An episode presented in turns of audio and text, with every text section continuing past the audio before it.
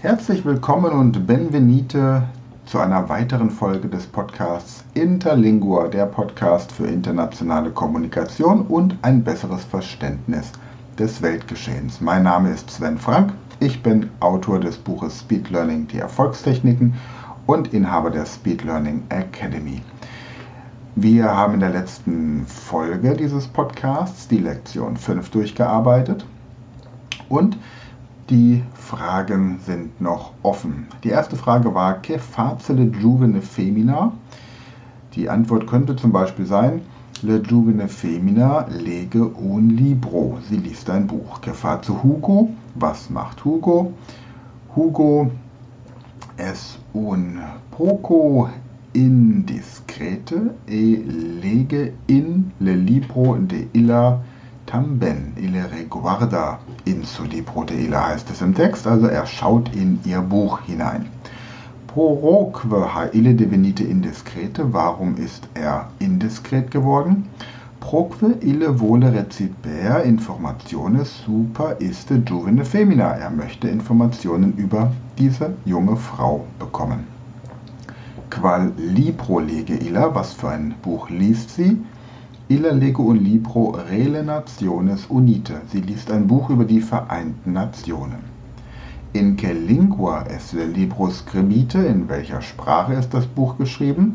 Illo es scribite in interlingua, le moderne idioma auxiliar. Es ist in Interlingua geschrieben, der modernen Hilfssprache. Ubi ha Hugo vidite iste lingua? Wo hat Hugo diese Sprache schon einmal gesehen?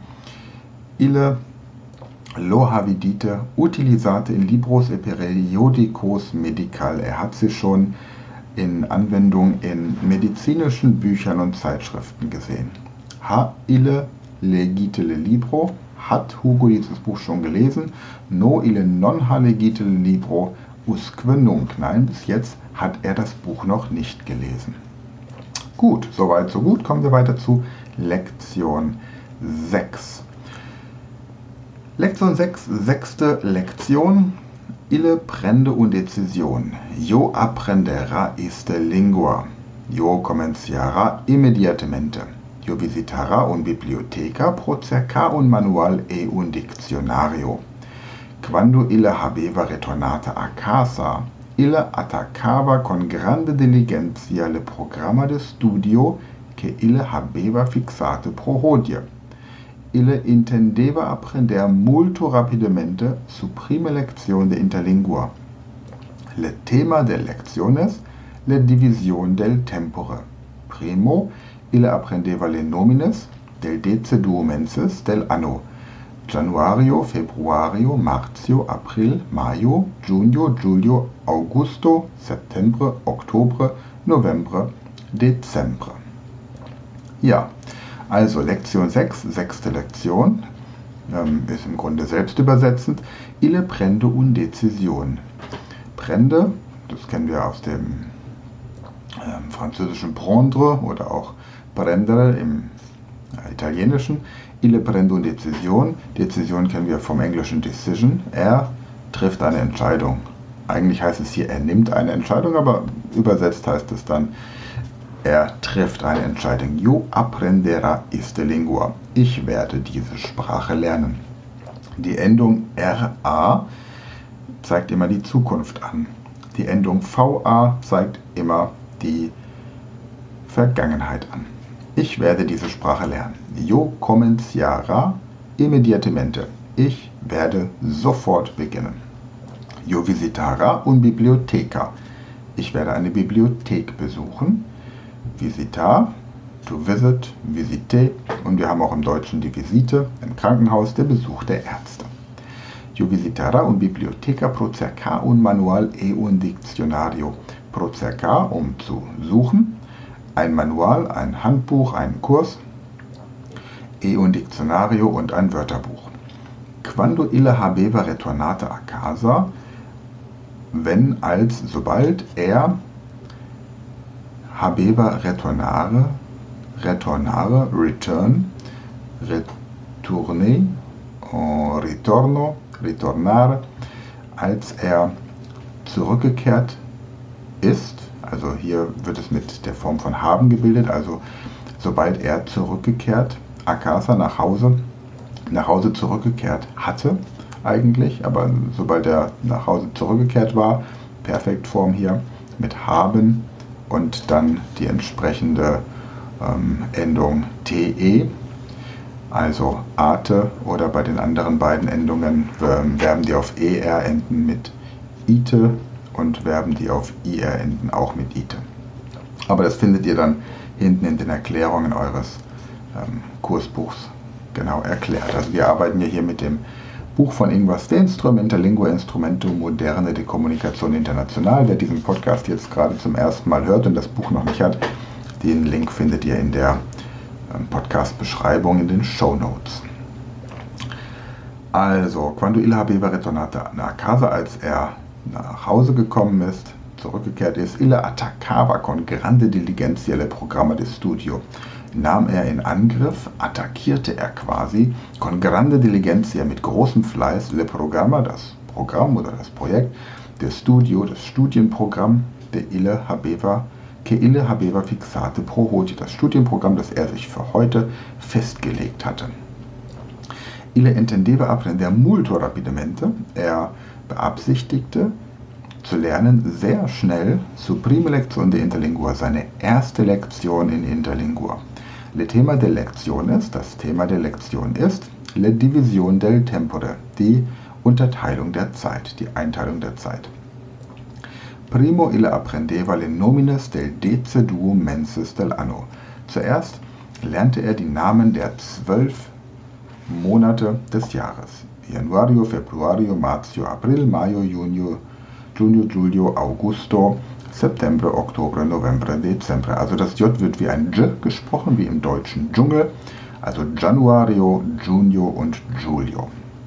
Genau, also die Monate muss ich euch jetzt, glaube ich, nicht übersetzen. Das kriegt ihr alleine hin. Total spannend wird es, wenn ihr äh, in der nächsten Podcast-Folge die Wochentage lernt.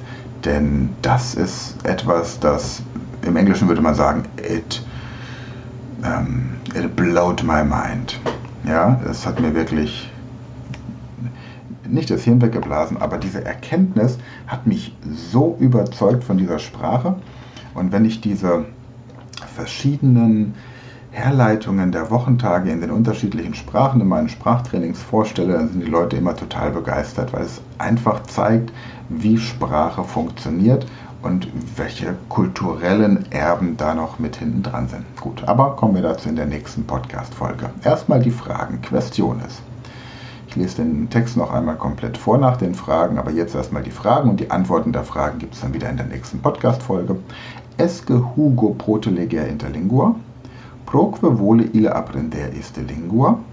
Che intendeva ille facer in la biblioteca? Esque ille est diligente? Explica dice in interlingua lo que un diccionario es.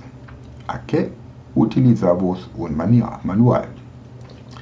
Und hier nochmal der Text in seiner Komplettheit. Lektion 6, sechste Lektion. Ille prende un decisión.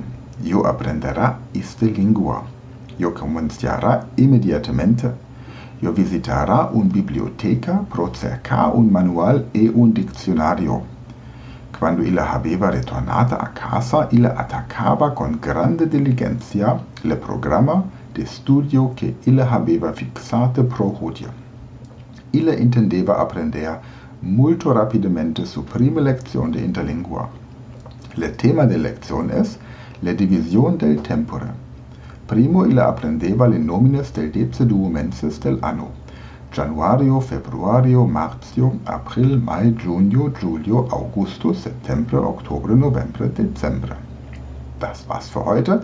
Auflösung zu den Fragen, die Antworten gibt es in der nächsten Podcast-Folge und da werden wir uns, wie gesagt, auch mit den Wochentagen beschäftigen und das wird wirklich ein Genuss werden. Das verspreche ich euch schon mal.